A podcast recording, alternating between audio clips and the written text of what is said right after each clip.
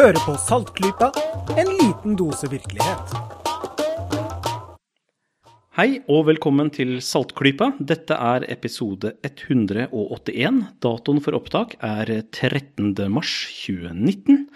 Jeg heter Jørgen, og med meg i dag har jeg med Marit for første gang på en god stund. Ja, hei, hei. Hei, hyggelig å se deg. I like måte.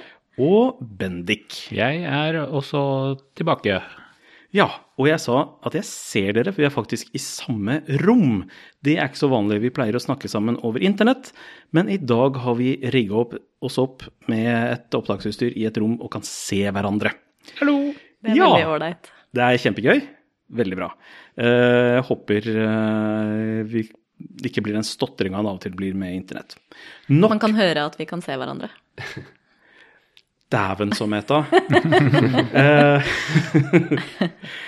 eh, I tillegg så har vi en person til til stede, men jeg har egentlig bare tenkt å overlate ordet til Marit først. Ja, vi har nemlig tenkt å snakke om kritisk tenkning i skolen i dag. Det har vært et sånt tema som har vært oppe litt sånn innimellom, egentlig siden nyåret. Ehm, Det var f.eks.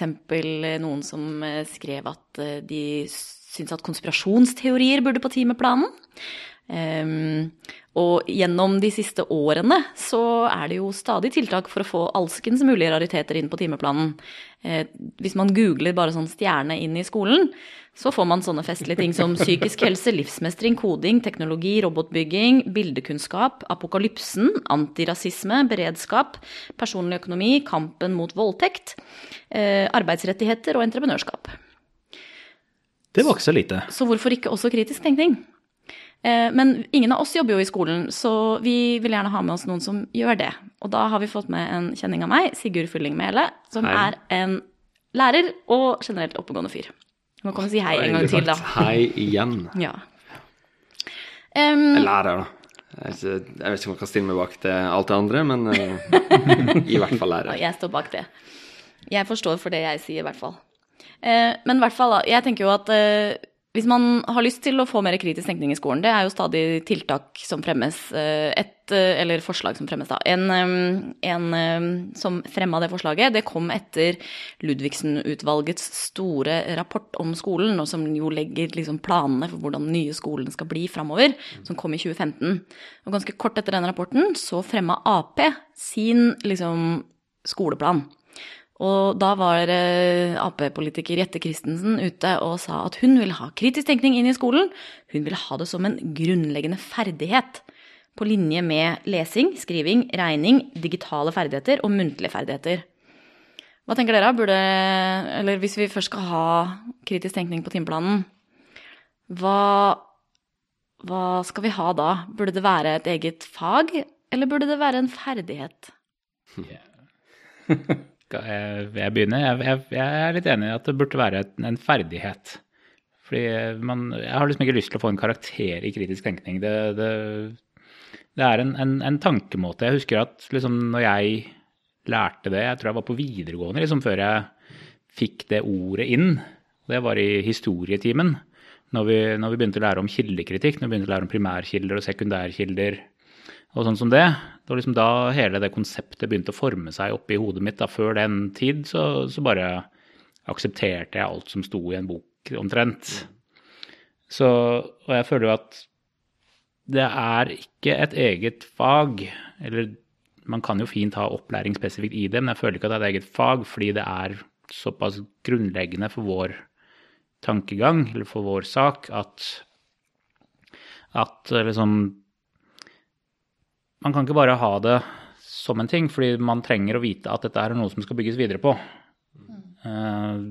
Det blir som å få en, en karakter i lesing ut etter første klasse på barneskolen. Eh, Og det, det har man ikke, for liksom det er antatt bare at man kan lese, og at det er en ting man gjør. Ja, det blir jo litt sånn at eh, de andre ferdighetene, det er jo ting som kreves for at du overhodet skal kunne tilegne deg noe som helst innenfor de ulike fagene. Altså sånn, du må kunne lese for å lære norsk, du må kunne eh, snakke for å lære norsk, du må kunne skrive for å lære matte, du må kunne, altså, ikke sant, disse ferdighetene, skriving og matte var kanskje ikke det beste eksempelet, men du må kunne skrive for å liksom tenke deg gjennom en stil i samfunnsfag, da, ikke sant? Altså, Eh, og sånn tenker jeg vel egentlig at kritisk tenkning også litt er. Det ligger liksom til grunn for alle de andre tingene man skal tilegne seg. Fordi det handler mye mer om eh, en metode for refleksjon enn en eller annen sånn pensumliste, liksom. Ja. Jeg, jeg bare får komme og si noe annet, da. Jeg er ikke sikker på hva jeg mener, men et argument for å ha det som et eget fag, er at eh, det per i dag nok er mange lærere som ikke vil vite hva de skal gjøre med kritisk tenkning. Men ved å lage det til et fag, så er de helt nødt til å forholde seg til det. Og det, vil, det må lages ordentlig eh, læremidler for det, og det må inn i lærerhøgskolen osv. Så, videre. så da kan man faktisk få et ordentlig fokus på noe som ellers veldig lett blir oversett. Ja, det, det er helt rett. Eh, For det, som Jette Kristian sa, hun vil ha kildekritikk eh, eller kritisk tenkning inn i skolen, men hun vil jo på en måte ha det inn i skolen igjen. For de innførte jo i samfunnsfag i 2013, eller når det var. Da fikk vi et nytt eh, tema i læreplanen som het Utforskeren, som skulle fokusere mer på kildekritikk og kritisk tenkning og sånn. Og problemet er akkurat sånn som du sier, at det er sinnssykt mange dyktige lærere der ute eh, som får veldig mye nytt kasta over seg med jevne mellomrom, som de da skal ha inn i klasserommet. Og, og veldig mange av dem eh, lærerne har ikke den kompetansen, rett og slett. Spesielt når det gjelder ting som eh, kritisk tenkning og kildekritikk, så det er vanskelig å vite hvor skal man begynne. Mange har nok litt sånn i, i uh, ryggmargen og, og skjønner hva det er, men spesielt når du begynner å snakke liksom om, om uh, uh, kritisk tenkning og den digitale hverdagen, da. kildekritikk og hvordan bruke en søkemotor og den type ting her, så er det mange lærere som, som blir usikre, og som derfor lar være. Mhm.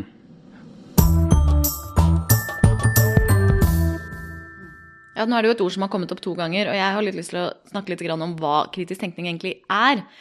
Uh, inne på sånne festlige Facebook-grupper som Skeptikergruppen, så dukker det opp som et spørsmål ganske ofte. Sånn, hva er egentlig kritisk tenkning? Og da kan man jo bare tenke seg når Skole-Norge skal definere det sjøl. Altså, dere har nevnt kildekritikk. Eh, Bendik nevnte kildekritikk egentlig som kritisk tenkning. Ja. Eh, og Sigurd sier eh, kritisk tenkning og kildekritikk. Eh, jeg kan også ramse opp sånne ting som liksom, psykologi, tankefeil, logikk, konspirasjonsforståelse, svindel. Hva, hva er dette greiene for noe? Hva, og hva burde det være Det er i skolen? problemet, da. At Ja. det, det er så diffust, på en måte.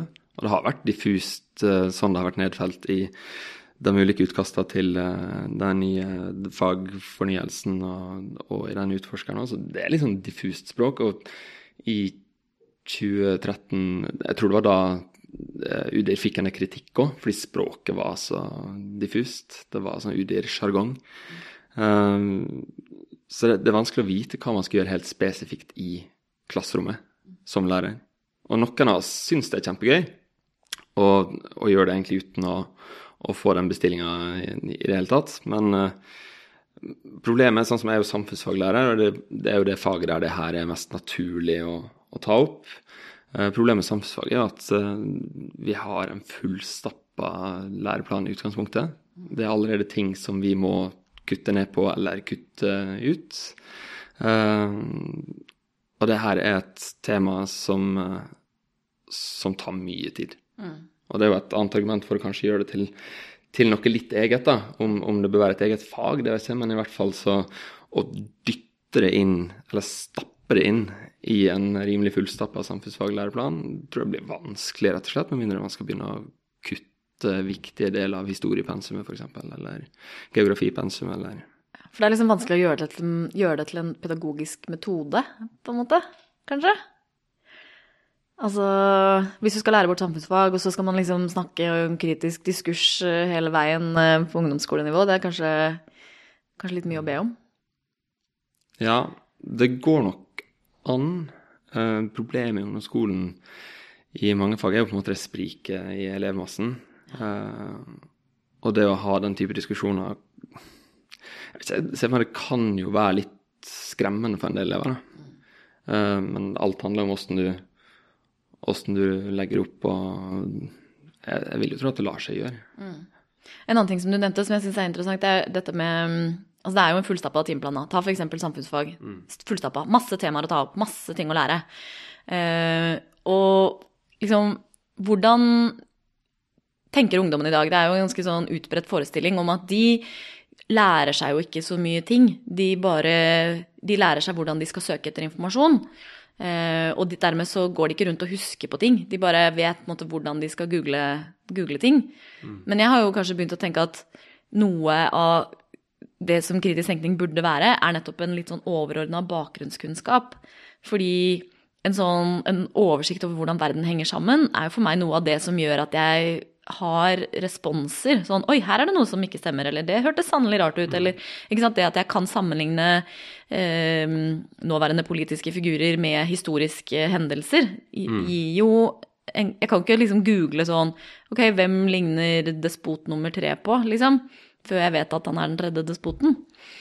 Um, altså, det er jo noe med den bakgrunnskunnskapen òg, kanskje? Du, du nevnte jo tidligere det med liksom X eller stjerne inn i, inn i skolen. Den ene artikkelen du, du snakka om innledningsvis, var jo også konspirasjonsteorier inn i skolene. Uh, som, som et ledd i å, å formidle eller lære elevene om kritisk tenkning. Um, og, og det tror jeg kanskje er litt å begynne i feil ende, nettopp uh, av de grunnene som du, du skisserer ut der. At, la oss ta et eksempel. da. Som jeg kommer til å bruke eh, framover. Vi hadde nettopp et arrangement på min skole. Eh, en sånn Grand Prix-aktig skoleforestilling. Der hver klasse hadde et, et bidrag, og så var det publikumsstemme, og så var det en, en fagjury med innleide dommere som, som skulle sette poeng på de ulike innslagene. Eh, et par dager etter arrangementet så gikk jeg rundt i klassene og spurte åssen det hadde vært. Var det gøy? Og en av de første tingene jeg hørte, var at eh, det var en pappa i fagjuryen. Pappaen til en i klassen som vant, satt i Rigga. fagjuryen. Og jeg bare nei, nei det, det stemmer ikke. Jeg vet hvem alle de tre dommerne var. Det, det stemmer ikke. Og så ble jeg litt nysgjerrig på det, så jeg gikk rundt i min egen klasse og andre klasse, og tiende, og åttende og niende, og i løpet av to dager så hadde en slags konspirasjonsteori da, eh, om, om at uh, fagjuryen var korrumpert av pappaen til en elev i vinnerklassen. Og satte seg i alle klassene. Da vi skulle ha evaluering av arrangementet noen uker etterkant, så tok jeg det opp litt sånn humoristisk for FAU og for foreldre. Da var det et par foreldre som liksom nikka. Det hadde de hørt. Det hadde de fått med seg der. Uh, så det er sånn interessant å bruke det som, som utgangspunkt for konspirasjonsteori, istedenfor å ta en spesifikk konspirasjonsteori, som jeg tror det kan vi sikkert komme tilbake til, som jeg tror det er mange farer ved å gjøre. da. Eh, Så kan man ta den der som er litt så artig, som elevene kan kjenne seg igjen i, for å vise hvor fort det kan spre seg eh, når man er ukritisk. Eh, og bruke det på en måte som et eksempel på at du må ha den der kritiske tilnærminga til, til informasjon som du ser deles ukritisk av andre, på en måte, og lære dem om den for å unngå at du, at du havner i den fella at du, at du videreformidler en, en konspirasjonsteori eller en løgn eller Ja. fake news, eller kall det hva du vil. Ja, for jeg vil jo ikke nå liksom komme og anklage de elevene på din skole for å være dumme, men, men, Nei, men, men, jeg, jeg ville sagt det samme om meg selv. ville jo sagt det samme om meg selv på ungdomsskolen også. liksom, Ja. Jeg husker godt, eller Når jeg ser tilbake på meg selv eh, og og min klasse, så var vi dumme som brød på den formen der også. Eh, men men det, det som da som da er eh, Kall det imponerende, da, eller ikke skremmende, men, men fakta her er jo at du hadde jo da tre klassetrinn med, med x antall parallellklasser og 25 elever i hver, og liksom ikke én av dem tenkte på hei, skal vi spørre arrangementskomiteen hvem som satt i eh, fagjuryen, og sjekke navnene mot, mot navnene i klassen? Ja, ja, nettopp. Fordi det ville nok De ville nok kunne fått et svar. Ja, helt sikkert. Og, og så klart, hvis de, da ville vi spurt Ja, men de kunne jo løyet uh, for å beskytte dem, men, men liksom Det ville ikke vært en forferdelig sånn der, eh, etterforskning med komiteer og sånt, og bare gå og spørre Hei, var, var, var det faktisk noen eh, der?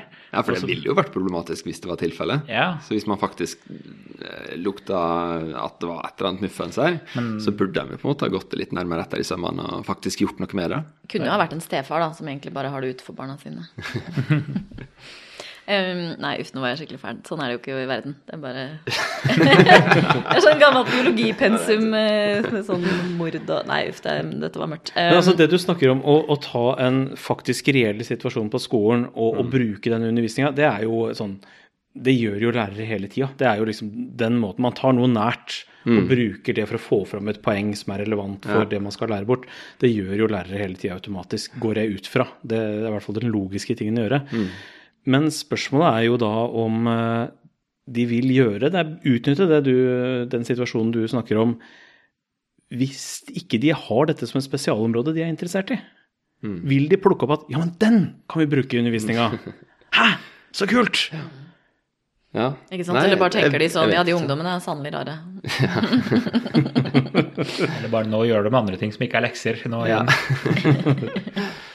igjen. Det er det som er problemet, som, Ja. du, som du sa i sted. At det må, det må føringer inn som er litt sånn konkrete. Og, og jeg, jeg tror det må utdanning til òg. Vi er jo inne i en stor sånn kan man kalle det kompetanseheving av lærere. Sant? Vi, vi er ikke dyktige nok og har ikke nok studiepoeng, så vi må videreutdannes og etterutdannes, og man må heve kompetansen.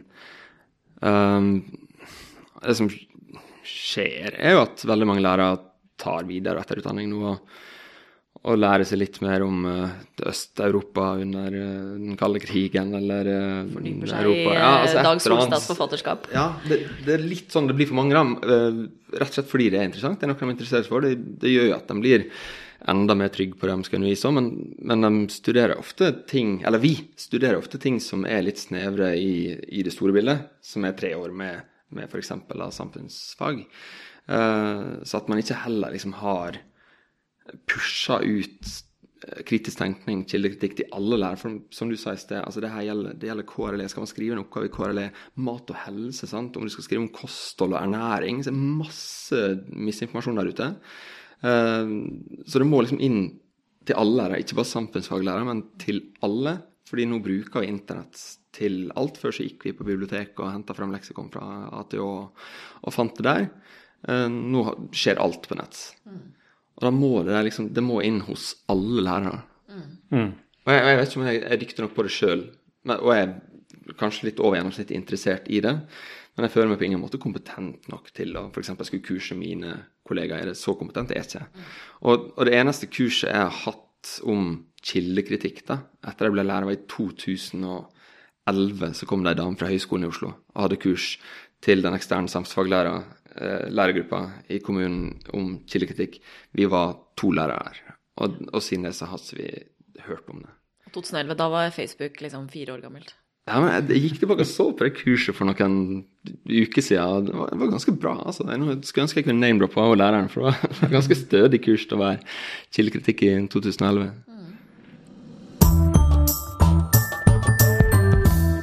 Det er jo liksom morsomt, Du nevner jo leksikon, jeg jobber jo i leksikon. ehm, og jeg har vært på et par skolebesøk med leksikonene for å snakke om kildekritikk. da. Og det er ganske morsomt eh, å møte Jeg har type vært på ungdomsskoler rundt i Oslo og, og eh, spør de liksom Ok, hva gjør dere når dere skal lete etter informasjon? Ikke sant? Eller hvor finner dere informasjon? Hva slags kilder har dere? Eh, og det som er litt funny, er at de, de, i min oppfatning i hvert fall, så skjønner de mer hva som er en kilde. Ikke sant? De er sånn, ja, Hvis du spør ja, hva er en kilde, så skjønner de at liksom, ja, en venn kan også være en kilde. Det kan være en dårlig kilde, men det er en kilde. ikke sant? Og da begynner de å skille litt mellom det, hva er det som er gode og dårlige kilder. Men så, liksom, så snakker man med, med liksom, eh, svigermor eller noe sånt, noe, da. og da er det sånn Ja, hvor har du lest det, da? Ja, på Google. ja, Vi er jo vi er, vi er fremdeles på det at liksom internett er en kilde. ja. Og at, at liksom Jeg leser det på internett, er, og det er jo på nivå med jeg leser det i en bok. Eh, og da kan bo, den boken være alt ifra et eh, leksikon til Erik von Daniken, og så, og så vet du ikke det. Eller vet ikke den som hører det, siden alt du hører er en bok, eller på internett. Så, så vi må jo Og vi, vi er jo fremdeles litt der. Internett er fremdeles såpass nytt for veldig mange av oss at, at internett er bare en sånn stor boks av en ting som, som har alle svar, eller Google i dette tilfellet, da. Som da blir synonymt med internett, som, som liksom gir alle svar. Og så det svaret som Google presenterer, er det offisielle svaret. Du, du sjekker ikke om, om den kilden som Google har fått svaret sitt fra, er Infowars eller eh, Store norske leksikon. Fordi begge er bare internett. Og det er jo ofte litt sånn det, det med å finne informasjon.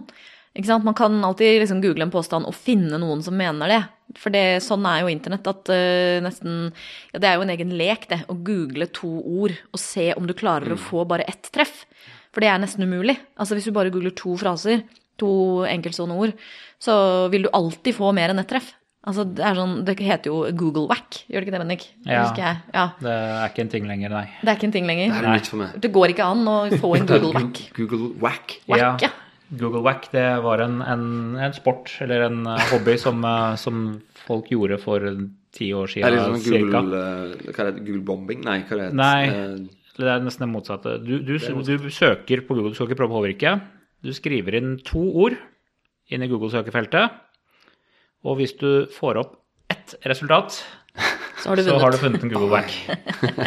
Hvis du da har funnet én nettside på hele internett som inneholder de to ordene, ja. Så har du funnet en Google Whack. Eh, De finnes ikke lenger, fordi, eh, fordi alle ord finnes på alle ord. eh, I mange iterasjoner. Ja, I mange Challenge accepted. Ja. Ja, så har vel Googles algoritmer blitt litt mer avansert, så de leter etter ting som ligner og gir deg resultater, selv om det ikke er direkte treff. Ja. Og så får du sånne kommer det opp sånne ting i PDF-er og sånne derre Mm.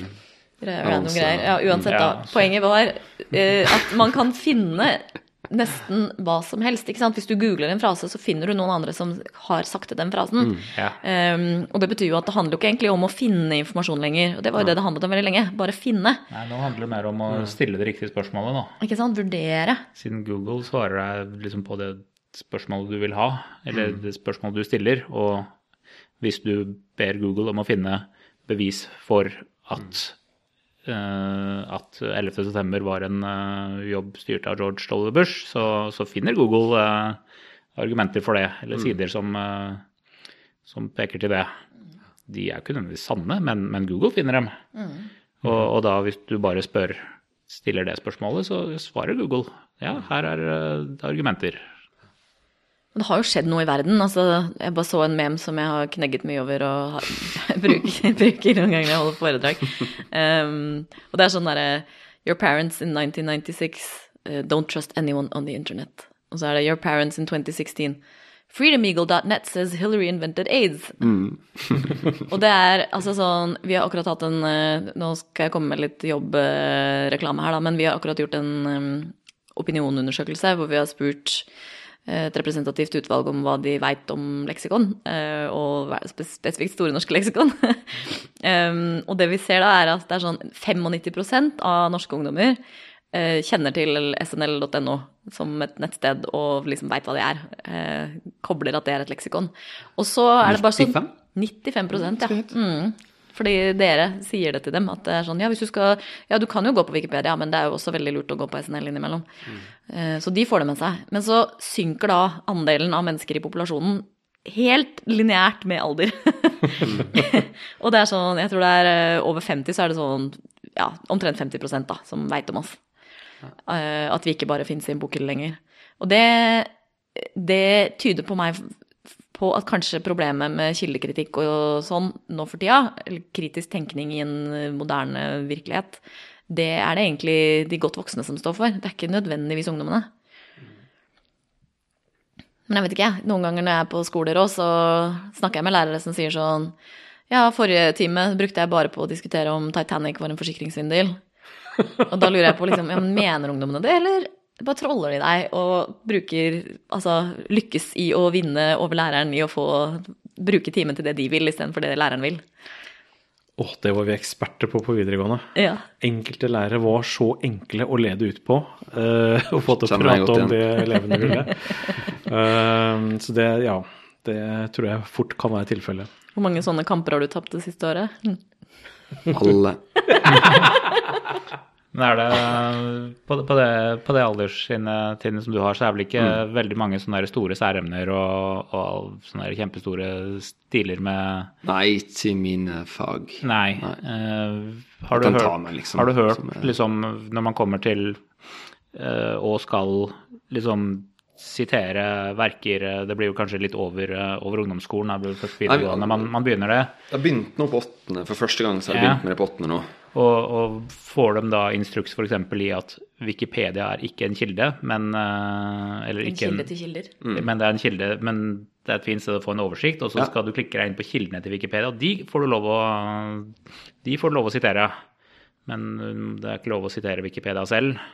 Ja, altså, jeg, jeg kan jo bare svare for meg selv, men min, mine elever gjør det. Ja, Klapp, klapp, klapp. klapp. det var egentlig bare det svaret. Men det er også problemet, sant, at det er Hvordan skal man forsikre seg om at alle elever gjør det? Ja, Man er jo alltid avhengig av gode lærere. Ja eh, Det er nok mange lærere på, på min skole og på andre skoler som er dyktigere med innenfor det aller meste i samfunnsfag, f.eks. Jeg har veldig lite utdannelse innen samfunnsfag. Jeg bare syns det er dritspennende.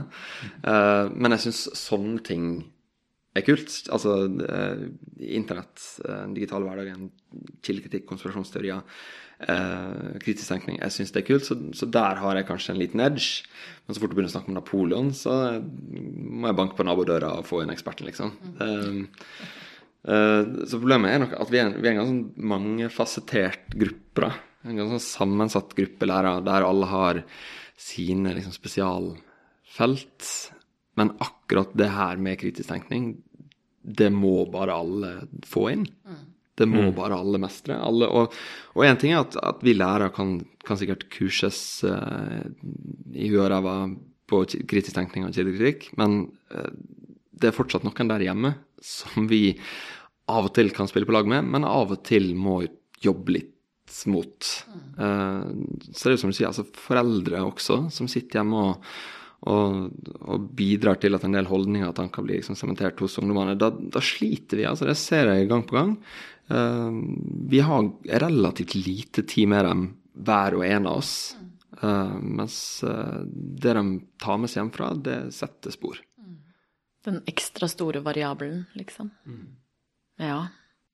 Eh, så, så i skolen i dag så er det ikke så veldig mye sånn systematisk om det. Foreløpig så er man avhengig av liksom at lærerne tar litt grep om det, og at det kommer sånne tiltak for kildekritikk og sånn for at det skal Ja, altså jeg, jeg kan jo igjen bare snakke for meg sjøl og min skole og mine kollegaer. At jeg har reist rundt og, og forska på det. Men eh, altså det, det har liksom drypt sakte, men sikkert inn i, inn i eh, lære, læreplanen. Eh, det tok jo lang tid. Det tok altfor lang tid eh, fra man liksom fikk internett og og, vi var, altså, og lærerstanden var helt ute og kjørte. Jeg husker da jeg jobba som vikarlærer i 2004, 3, 2, et eller annet. Så var jeg på en ungdomsskole, og, og der var det et, et PC-lab der noen elever skulle få sitte på PC og ta norsk tentamen. Eh, som de eneste som satt på PC og tok tentamen. Og jeg husker jeg var inne med en kroppsøvingslærer som spurte liksom, ja, hva, hva skal dere skrive om, da? Nei, eh, du skal skrive om krokodiller eller noe sånt. Jeg skjønner ikke helt, skjønner ikke helt oppgaven. Sånn. Eh, hvorpå han sa ja, kan du bare, bare finne en tekst på internett, da? Kan du bare finne en tekst om krokodiller på internett? Å hei! Eh, men altså, det, det her er lenge siden, sant? Ja. Det, vi kan, vi kan å heie i dag, men ja, jeg, jeg, jeg heia litt der og da. men, men det var litt sånn mange lærere tenkte, da. Og det er liksom bare Det er 15 år siden. Ja. Uh, og, og internett er stort, og det er liksom universet det vokser liksom kjappere enn vi klarer å holde, følge med utviklinga. så åssen man skal liksom få lærere og foresatte og elever til å holde tritt med den utviklinga, det er en utfordring. mm. Definitivt. Jeg tenker litt som så at uh, ting har en tendens til å delvis løse seg selv. Vi kan havne på hæla ved å ignorere problemstillingen i mange år, men det som skjer er jo at flere og flere blir lommekjent med problemene med særlig internett, som er hovedkilden til de fleste, til det aller meste av informasjon. Eh, og unge lærere i dag er jo mye, mye mer eh, kunnskapsrike på dette feltet enn de lærerne som eh, var godt voksne for 10-15-20 år siden. Eh, sånn at jeg ser jo når jeg nå Jeg er jo mye i kontakt med barn og ungdommer i jobben min. Jeg har inntrykk av at de er grundig og godt informert, delvis fordi de lever midt i denne virkeligheten og er nødt til å forholde seg til problemstillingene daglig. Eh, og fordi yngre lærere kommer inn og lever i denne virkeligheten og nødvendigvis skjønner problemstillingene og tar det med seg inn i undervisningen. Så at det går seg til. Ja, vi kan havne litt på hæla, og vi kan gjøre det mye bedre, men jeg er ærlig talt ikke så innmari redd for at vi skal få en generasjon med folk som ikke skjønner kildekritikk. Nei, det er ikke sant. Det er sånn, altså Jeg sa jo noe lignende i stad, at jeg er også mer bekymra for de voksne enn for de unge. Men så, Ja. når jeg hører på deg snakke, så tenker jeg bare sånn Nei, nei, de skjønner ingenting! Og, og de bare googler, og de bare Men, men det er nok litt Jeg, jeg blir eh, litt overraska av og til over hvor lite de vet. Eh, med- i, i, forhold til eh, hva jeg tenker at de burde vite, som har liksom vokst opp med, med det her. Eh, det virker liksom som om de har en del sånn eh, litt sånn spesiell kompetanse innenfor ulike deler av, av internett, f.eks. At de er liksom eksperter på liksom hvordan du bruker den og den nettsida, eller det og det programmet, eller eh, beste YouTube, f.eks. Ja, sant. Mens hvis jeg ber dem om å åpne filutforskeren og lage ei mappe i OneDriven, så ser 20 stykker på meg og sier Hæ? Hvis jeg ber dem om å lagre ei fil på skrivebordet fra Word, så sier mange Hæ? Så det er en del sånn grunnleggende dataferdigheter og kunnskap som, som jeg ofte blir overraska over at de ikke har med seg fra barneskolen eller fra, fra hjemmene sine. Og, og Men kaller du det med liksom- skrivebordet? Men, men også kanskje spesielt sånn altså eh, Søke, hva man skal kalle søketeknikk. Eh, altså navigasjon på internettet. Eh, så, er, så er det mange som, er, som bare svirrer rundt. Uh, vet ikke, liksom Når jeg sier 'skriv inn i eh, adressefeltet' eller i søkefeltet, så, så vet ikke de hvor de skal gjøre det.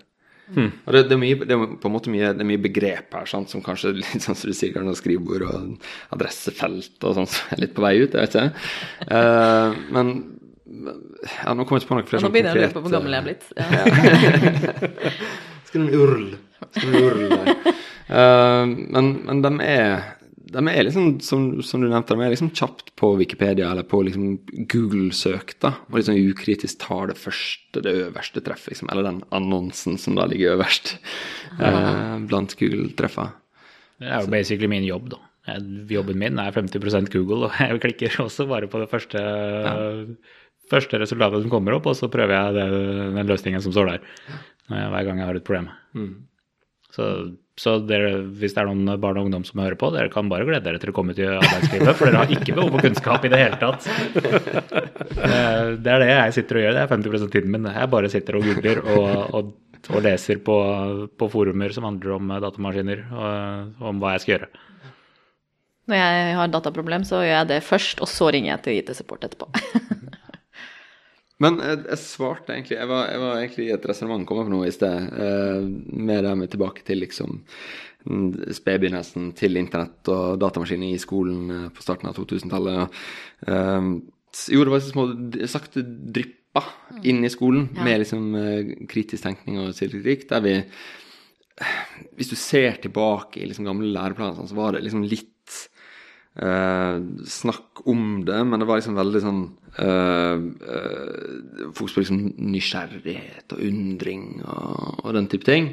Eh, mens liksom ordet kilde tror jeg dukka opp Jeg dukka kanskje opp med den utforskeren i 2013. Ja, det er ganske seint. Kanskje. Jeg kan, kanskje lå i samfunnsfag før det. Men da mer som sånn ja, Nei, kanskje kilde da er det sånn, mer som eh, ja, history is written by the winners. Kilde, Ja. ja. Kilde litt mer som et sånn vidt begrep, da. Men uh, kildekritikk, altså det å bruke internett på den måten, det tror jeg dukka opp med utforskeren i 2013. Så har vi den nye kunnskapsreformen som kommer, som er liksom under eh, oppseiling nå, som har vært gjennom en del runder med tilbakemeldinger fra lærere, som, som kommer i 2020, som heter Fagfornyelsen. Uh, der hele liksom, læreplanverket skal, skal bygges opp på ny. Og der har det kommet masse. Der har det kommet inn i eh, eh, den overordna delen av læreplanverket, så ligger det liksom masse om kritisk tenkning og, og kildekritikk. Skal, skal jeg lese et utdrag som jeg har her? Ja, ja. Gjerne det. Ja, Da står det f.eks.: Hvis ny innsikt skal vokse fram og etablerte ideer granskes og kritiseres med teorier, metoder, argumenter, erfaringer og bevis, Det Eh? flott. -hmm. Elevene skal kunne vurdere ulike kilder til kunnskap og tenke kritisk om hvordan kunnskap utvikles. De skal også kunne forstå at deres egne erfaringer, standpunkter og overbevisninger kan være ufullstendige eller feilaktige. Den er fin.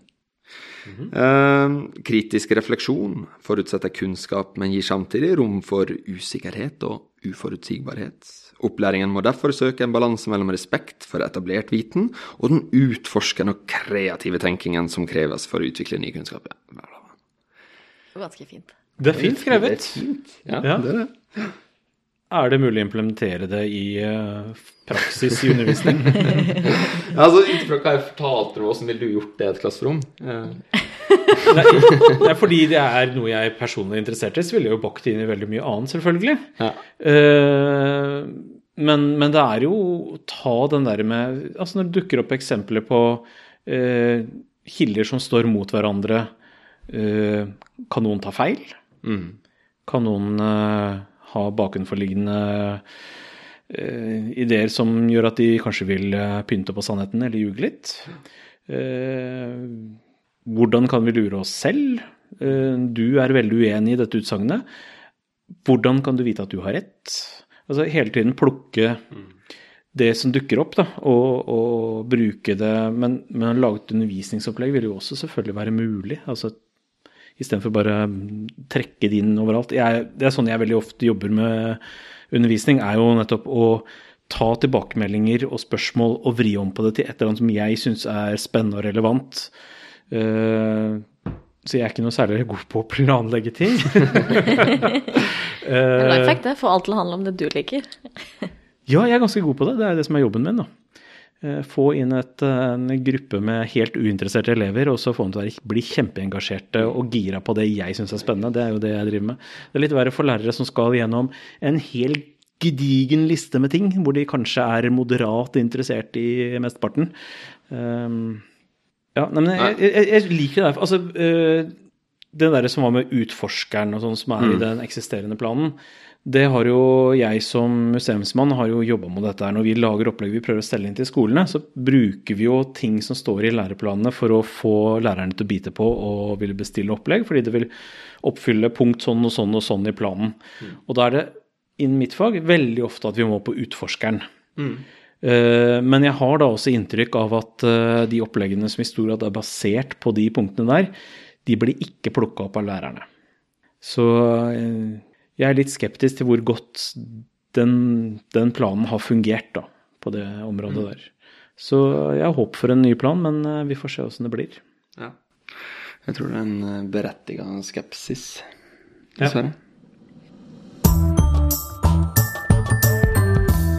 Men eh, vi er jo supergløgge mennesker, så hvis vi skal få bestemme hvordan, hvordan lærer man egentlig kritisk tenkning? Altså, er det en sånn allround-metode som er best, eller er det jo som en eh, lærer i Bergen gjorde, eh, Adrian Tallerås, leste jeg i Fri han hadde utsatt eh, en klasse for en konspirasjonsteori. Han hadde liksom fått én klasse Han skulle ha to timer med KRL etter hverandre. Så han hadde fått den ene klassen til å være med på at eh, månelandingen var fake.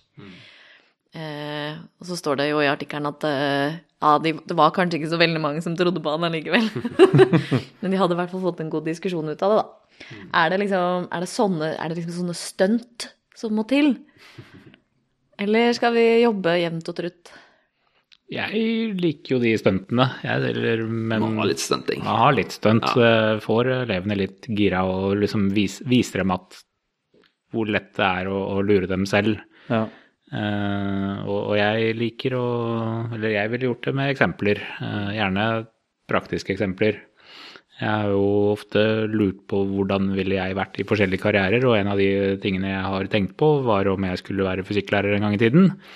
Og da tenkte jeg alltid på eh, Ja, jeg ville vært han fysikklæreren som gjerne avbrøt en time for å Fordi hvis noen stilte et spørsmål om hvordan ville en badeball oppført seg på Mars, liksom, og så ville jeg bare sagt ja, vet du hva, nå skal vi finne ut det. Så, La oss spore av. La oss spore av, men samtidig da spore inn på å vise prosessen da, for, eh, for hvordan man faktisk ville funnet ut noe slikt som dette. Ved at vi da i plenum guidet, guidet meg, ville, ville gått gjennom dette her og Eller liksom hvis noen hadde spurt sånn Hvor kommer årstidene fra, liksom? Og så ville jeg spurt ja, har du noen tanker, og så ville du kanskje sagt ja, det er uh, den ellipsiske banen til jorda rundt sola, og så bare ja, det er et veldig godt, uh, godt forslag. La oss begynne å jobbe med det, og så sjekker vi hvor nærme jorda er sola på hver årstid, og så finner vi ut at den er jo faktisk nærmere sola på vinterhalvåret enn på sommerhalvåret for oss. Da må vi krysse ut den og prøve nye Og sånn kan vi fint holde på en hel time inntil man, man finner ut av det, da. Men jeg ville gjerne gjort, bare gjort prosessen. Vi, vi har jo liksom Kritisk tenkning grunner jo ofte ut i den vitenskapelige prosess. For, for meg og min verden, i hvert fall. Og, og ved å da bare få liksom demonstrert den prosessen og den tankegangen, og at den faktisk funker til å, å finne deg fram til riktig svar, vil jo da samtidig gi deg kritisk tenkning eh, som en bieffekt. Mm. Det er morsomt at du Altså, jeg er jo også en vitenskapsentusiast, så jeg syns jo også at vitenskap er et supergodt utgangspunkt for å lære kritisk tenkning. Men festlig nok så er det jo et av de få mm, reelle Uh, utdanningsoppleggene, eller jeg vet ikke hva jeg skal kalle det for noe, kursene i kritisk tenkning som er gitt og testa ut i Norge, det var på type historie og psykologi. Hvor uh, Og dette er sånne ting jeg leste for tre år siden, og så i forberedelse til et eller annet, og så har jeg sånne fragmenter som svirrer rundt oppi hodet. Men um, det gikk jo ikke nødvendigvis på um, på vitenskapelig metode. Det gikk mye mer på kildekritikk og på det å vurdere kilder, da. Eh, jeg, mener det var det Det var, liksom, det var noe type på høyskolenivå med historie, hvor eh, en eller annen eh, kritisk tenkning-entusiast hadde laga et opplegg som, hvor de testet også da om Jo, om, testet faktisk om kritisk tenkning kunne læres. Altså de hadde da en halvdel av klassen som hadde fått kurs i kritisk tenkning, og så gikk de gjennom samme type utdanningsløp resten av semesteret. Eh, og så så de om de hadde fått noe ulikt ut av det. Og da hadde de, de som hadde hatt det kurset, hadde faktisk lært noe, da. Mm. Ja, men det tror jeg på. Altså, det, det, skal ikke så mye til. Jeg tror nok uh, den type undervisningsopplegg som du, du snakka om, uh, badevella og ta ting uh, når det oppstår i klasserommet, tror jeg er noe av det beste man kan gjøre. For å fange engasjementet til elevene og spille videre på det. Men uh, noe så enkelt som å ha en undervisningsøkt om, om tone, jeg vet ikke om dere kjenner det begrepet, for kildekritikk, da troverdighet, objektivitet, nøytralitet, egnethet. Eh, det å ha liksom time der du bare går gjennom hva står disse bokstavene her for, åssen ser man etter det? Har du gjort det i en time, så kan jeg spørre elevene mine to måneder etterpå er den artikkelen troverdig. Eller er, den, er det noe å være kritisk til her? Ja, den har hatt dato. Ja, den har hatt forfatter. Uh, ja, jeg finner ikke det igjen noen andre plasser. Altså, de, de husker sånt bare du har liksom nevnt det for dem en gang. Så du kan begynne liksom helt sånn konkret å bryte ned kildekritikk til f.eks. en sånn fire bokstavers eh, huskeregel. Og begynne der, og så å ha uh, stunting og, og uh, gruppeoppgave, diskusjon kjører vi masse. Jeg tenker at Noe av det viktigste er jo det som ble nevnt her i sted, med liksom å, å, å lære å ta feil. Mm. tror jeg er viktig. Det med å på en måte få inn den der ydmykheten og lære å ta feil og, og kjenne litt på den der kognitive dissonansen av og til, og, og tørre å handle deretter. da. Mm. Jeg tror jeg er en sånn eh, kritisk tenkningsegenskap, eh, for å si litt catchy, som, som er veldig viktig. da. Åssen mm. eh, man skal lykkes med det, jeg er ikke helt sikker på, men jeg, jeg tror man må liksom snakke masse med elevene. Bare snakke mye mer om det. Bruke det sjøl eh, som eksempel. Så jeg har tatt mm. masse feil. Tok feil forrige uke. Mm. Uh, bruke ting, altså ting du har sagt i klasserommet. Gå tilbake på det og si 'jeg tok helt feil'.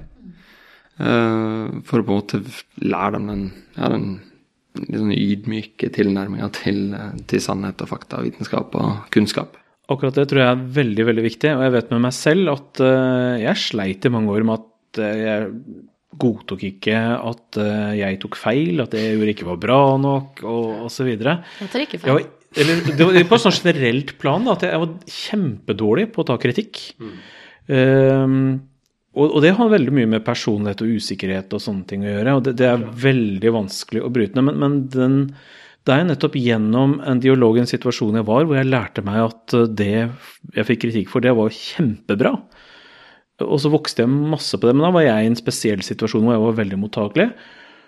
Og det har jeg hatt kjempeutbytte av i ettertid. Så eh, det er meg personlig, men jeg kan tenke meg at det er noe man eh, kan jobbe veldig mye med. Bare å ha nettopp den dialogen du snakker om, at man hele tiden som lærer innrømmer feilene sine og korrigerer dem.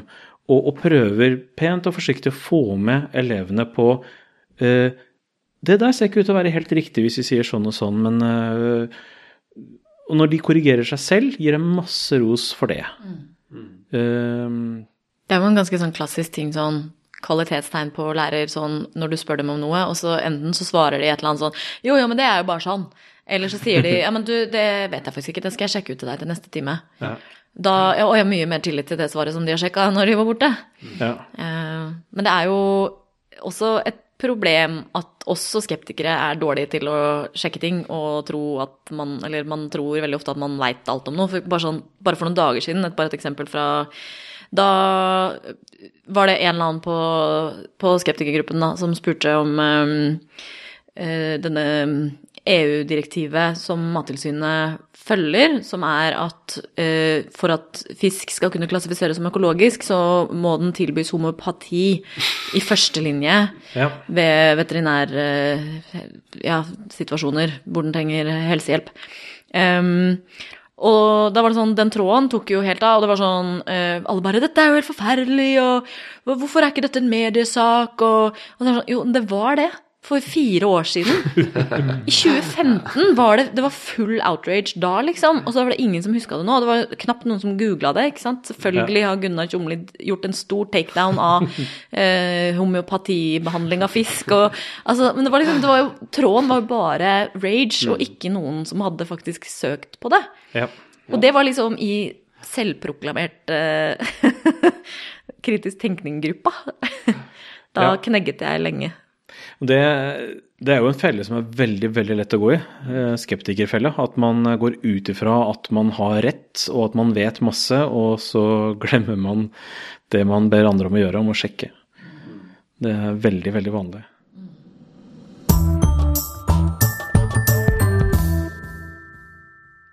Ja, vi skal vel runde av ganske snart, men, men Sigurd, jeg har lyst til å spørre deg. Hva, du som har kontakt med ungdommer, hva, vet du hva de tror på? Hva slags ting Har de noen rare, fikse ideer? Tror de på noen konspirasjonsteori, f.eks.? Uh, ja, det gjør de.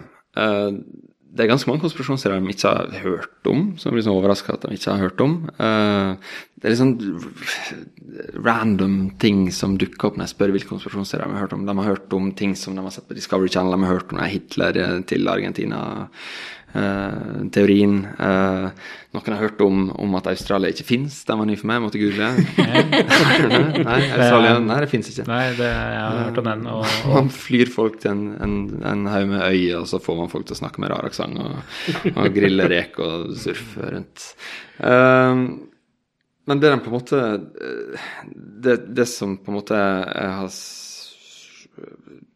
reagert mest på når jeg, når jeg har forhørt meg litt og gjort litt sånn uformelle spørreundersøkelser blant elevene om konspirasjonsteorier, er på en måte at det er, det er ganske sånn store forskjeller mellom gutter og jenter, f.eks. Uh, der gutter synes å være både eh, mer mottagelige for konspirasjonsteorier, de kjenner til flere konspirasjonsteorier. Eh, de, de tror på flere konspirasjonsteorier enn jenter. Eh, de får informasjonen sin i langt større grad enn jenter fra internett, og spesielt YouTube. Jenter opplyser at de, de har fått uh, mer av det de kan om konspirasjonsteorier fra lærere, f.eks. Uh, og så spurte den ene spørreundersøkelsen spurte også litt om sånn tillit til politikere og trivsel på skolen og sånn, og, og da så man liksom ganske sånn tydelig tendens til at uh, uh, jo mer man, man trodde på konspirasjonsteorier, jo mindre trives man på skolen, og jo mindre tillit har man til politikere allerede på, på ungdomsskolen, tidlig på ungdomsskolen. Men bare blant gutta. Men det gir jo veldig gjenklang i sånn Ja, det gir veldig om- gjenklang. sant? Men, men jeg, hadde, jeg ble litt overraska over at jeg, så det så tidlig. på en måte. Men samtidig er det kanskje ikke så overraskende at man ser det så tidlig. Uh, og det sier jo litt om at det her er, det er viktig. da, Å komme inn tidlig, liksom. For da, altså, da har det allerede skjedd ting på barneskolen som gjør at man, man faller litt inn i disse sporene der. Og da som sagt, det, altså jeg, jeg vet ikke helt hvordan man skal gå fram for å håndtere konspirasjonsteorier i skolen, for det var den ene artikkelen du sikret til, konspirasjonsteorien i skolen. Og som sagt så, så vet jeg om, om man da bør gå inn og liksom ta for seg en og debanke, liksom. For da risikerer du på en måte å støte fra deg de elevene som sitter og og har brukt masse tid, investert masse tid på disse ulike konspirasjonsteoriene, så står du der og ler litt og Ja, det her tror de, og det er jo helt fjernt. Uh, og det her er jo ofte veldig sånn ressurssterke elever, som er liksom kreative og engasjerte og Så jeg tror liksom det er bedre å liksom jobbe med kritisk tenkning, da. Rundt det, og heller bruke elever som kanskje er ekstra opptatt i uh, konspirasjonsteorier. Litt sånn, litt, sånn- at du blir, ser på det som en litt sånn X-Men-gruppe. At, at de går rundt i samfunnet og ser folk som tror på konspirasjonsteorier, og så går de litt rundt i samfunnet som mutanter. Så, ah, nei, disse er skumle, hva, hva kan de finne på, liksom? Mens de egentlig er bare sånn litt sånn spesielt begavet. Så hvis jeg liksom s- samler med en sånn herskapelig hus på Ullern og lærte å kontrollere evnene sine, liksom Ja, du trenger ikke å se 500 timer på YouTube, se- du kan Du kan se andre mønstre i virkeligheten. Nei, som- ja. nei, for jeg tror det er liksom Det er, det er enorme ressurser som går liksom tapt da i det her kaninhullet som veldig mange faller ned i allerede tydeligvis på barne- og ungdomsskolen, og i hvert fall jo eldre de blir. Og, og vi ser mange, mange eldre, mange voksne, mange familiemedlemmer som, som bare har snubla rett ned i noen alder av 50, på en måte. Nå vil jeg jo påpeke at det er jo ikke nødvendigvis barna eller Vi har vært innom dette her, at man får jo veldig mye av sin påvirkning fra de voksne. Og hvem er det som har barn i ungdomsskolealder nå? Jo, det er vår generasjon. Ja, det er det. Og det sier jo Og vi er jo helt eh, håpløse på akkurat dette her, så Så det kan jo være vår generasjons feil eh, også, at det ikke er veldig liksom barna spesifikt. Vi, vi slapp dem er liksom fri på internett uten helt å følge med på hva de, Ja. hva de driver med. Men det, det er i hvert fall altså det er mye YouTube som dykker opp igjen. da. De, de sitter nok mer på YouTube enn vi tror. Uh, og du hadde jo den der undersøkelsen til hun eh, tyrkiske forskeren som så på disse YouTube-algoritmene som førte folk inn på mer og mer konspiratoriske videoer. Og nå har jo YouTube tatt grep og gått inn på å fjerne mye konspirasjonsteori-innhold og sånn, men det, det har jo vært der i mange, mange, mange år og sådd massevis av frø. For det er jo en ting det der òg at eh, ikke sant, når man kommer som liksom lærer, som autoritetsperson, og skal liksom debunke eller liksom avsløre ting, så er man jo ikke på lag med elevene sine lenger. Og det er jo en ganske vanskelig sånn pedagogisk utfordring. da, sånn hvordan kan du hvordan kan du på en måte hjelpe de ut av masse vrangforestillinger samtidig som du er på lag med de? Liksom Overbevise de om at du er på lag med de først. Det, det er en ting jeg har slitt med når jeg har undervist i kritisk tenkning for, til, til humanistiske konfirmanter. da. Føler at jeg er på lag med det, så nå skal jeg vise dere masse lure ting som dere vet, og så kan dere gå igjen til mamma og pappa, og så kan dere se hvor dumme mamma og pappa er. Sånn, sant? Må ha en felles fiende utenom. Det, det syns jeg Per Espen Stoknes i den der Behind the Curb-filmen Hvis dere har sett den, Flat Earth-filmen som er på Netflix nå. Anbefales. Anbefaling fra, fra min kant. Eh, så sier han altså han, han foreslår å, å utforske sammen heller enn å liksom krangle om ting. Ja. Jeg synes det var en sånn fin måte å si det på at ok, du tror det? Ja, men kult. La oss utforske det sammen. La oss, la oss, la oss se på det sammen.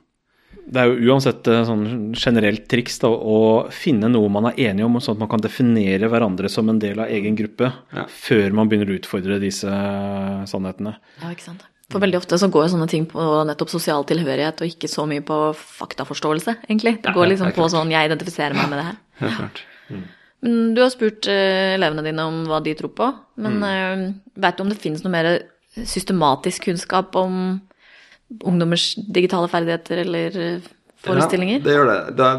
Det er jo relativt nytt, men de siste åra Jeg tror vi har hatt to Det er mulig vi bare har hatt én, men én eller to eh, undersøkelser som heter Jeg vet ikke hvordan det uttales engang. E-Pearls, eller E EPIRLS. Eh, som er en, en variant av den der PIRLS-undersøkelsen, som er liksom PISA-TIMS-aktig internasjonal uh, ferdighetsundersøkelse blant skoleelever. Uh, og den e-PIRLS-en tester da informasjonslesing på nett blant femteklassinger. I hvert fall 20 land, så vidt jeg kunne se, og tester har hvert tredje år, tror jeg. Og av 16 land, så er, da er Norge liksom nest best etter Singapore. Og høyere enn alle våre nordiske, skandinaviske naboer, høyere enn de fleste land i Europa. Som er med på den undersøkelsen, her, vel å merke. Eh, du ser også mindre Du ser mindre av disse kjønnsforskjellene i e-Pirls enn i Pirls, som bare tester lesing. Så guttene tar på en måte igjen litt det der eh, prestasjonsgapet som ofte er mellom gutter og jenter. Og så må det jo sies at det, det er mye fordi jentene i Norge er så sinnssykt sterke. Altså Guttene i Norge skårer bedre enn både gutter og jenter i veldig mange av de 16 andre landene. Så sånn generelt så gjør vi det veldig bra. Um, og så ser du liksom at eh, man kan være litt skeptisk til hvorfor er det sånn, det, om det er sosioøkonomiske faktorer som spiller inn. Man ser at, at eh, gode resultat korrelerer med uh, store bokhyller hjemme med mye bøker i, f.eks. Så, så det er sånn vanskelig å vite. Men uh, det som var litt overraskende, var at de gutta som bruker mest tid på nettsurfing, er de som oppnår svakest resultat på en prøve som prøver å finne ut hvor gode ungdommene er til å søke etter informasjon på nett. Oi. Huh. Jøss, ja. Så det, men det tyder jo kanskje litt på det du erfarte i klassen din, da. Altså at mm. hvis man først er veldig mye på nettet, så handler det egentlig om andre ting enn informasjonssøking. Ja. Mens de som på en måte ikke er så mye på nettet, da bruker de det kanskje primært til informasjonssøking. Hmm. Um, det blir liksom en litt annen greie. Ja. Men det, det er jo godt å høre at vi i hvert fall kan danke ut eh, resten av verden, da. Eh, selv om vi sitter her Sitter her rundt bordet og bekymrer oss eh, for hvordan det går med ungdommen. Ja, vi skal ta det um, Ja.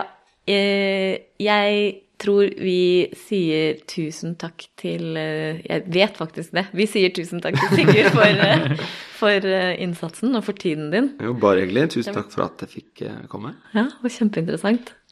Mye fine ting som ikke vi visste egentlig om eh, ungdomsskolen og hvordan elever egentlig er. Jeg har jo masse fikse ideer om hvordan de er, men jeg veit ikke alltid. Se, jeg er lærer. Jeg tillater meg å si at jeg ikke vet. Veldig bra. Jeg er stolt av deg. Humble brag. Merker du hvordan jeg nå roser deg for å ut, du skal utvikle deg? Ja, nei, men eh, supert. Tusen takk for innsatsen. Og da er det vel egentlig bare å takke for eh, denne gang. Så ha det bra alle sammen. Ha det. Ja, sånn. Ha det! Saltklypa lages av Kristin Lisha, Jørgen og Bendik. Har du spørsmål, anbefalinger, ris eller ros, send det til post at saltklypa.no, eller finn oss på Facebook. Lenker til alt vi har snakket om i episoden finner du på saltklypa.no, hvor du også kan abonnere på podkasten for å få hver episode levert på døra helt gratis. Takk til Smart 9000 fra Evig poesi, som har laget kjenningsmelodien vår. Hei og velkommen til Saltklypa. Det er hund... bla, bla, bla, bla, bla. Vi tar det på nytt igjen. Det er sånn vi gjør det. Man må si bla, bla, bla. Ja. Det er sånn en clapper. Det er det the international signal of Ja. eh, jeg bare, holdt meg stille fordi jeg hadde en rap som drev Jeg håpet at jeg håpet at dere skulle ta den. Blooper reel! Den holder jeg på, på opptaket. Jeg bare satt og tenkte snakk mer, snakk mer. Jeg så du liksom leta tilbake, og bare tenkte ok, Jørgen, Jørgen, ta det der. Jeg datt av, så. Og så har vi jo da um, noe som kommer nå i 2020, eh, som er den store eh, kunnskaps... eh, bla, bla, bla, bla, bla. Eh, Det er det vi kaller det. jo, og så har vi jo der eh, eh, Hva skal jeg kalle det? Nye Bla, Ja, det, Er det det er jo det det er.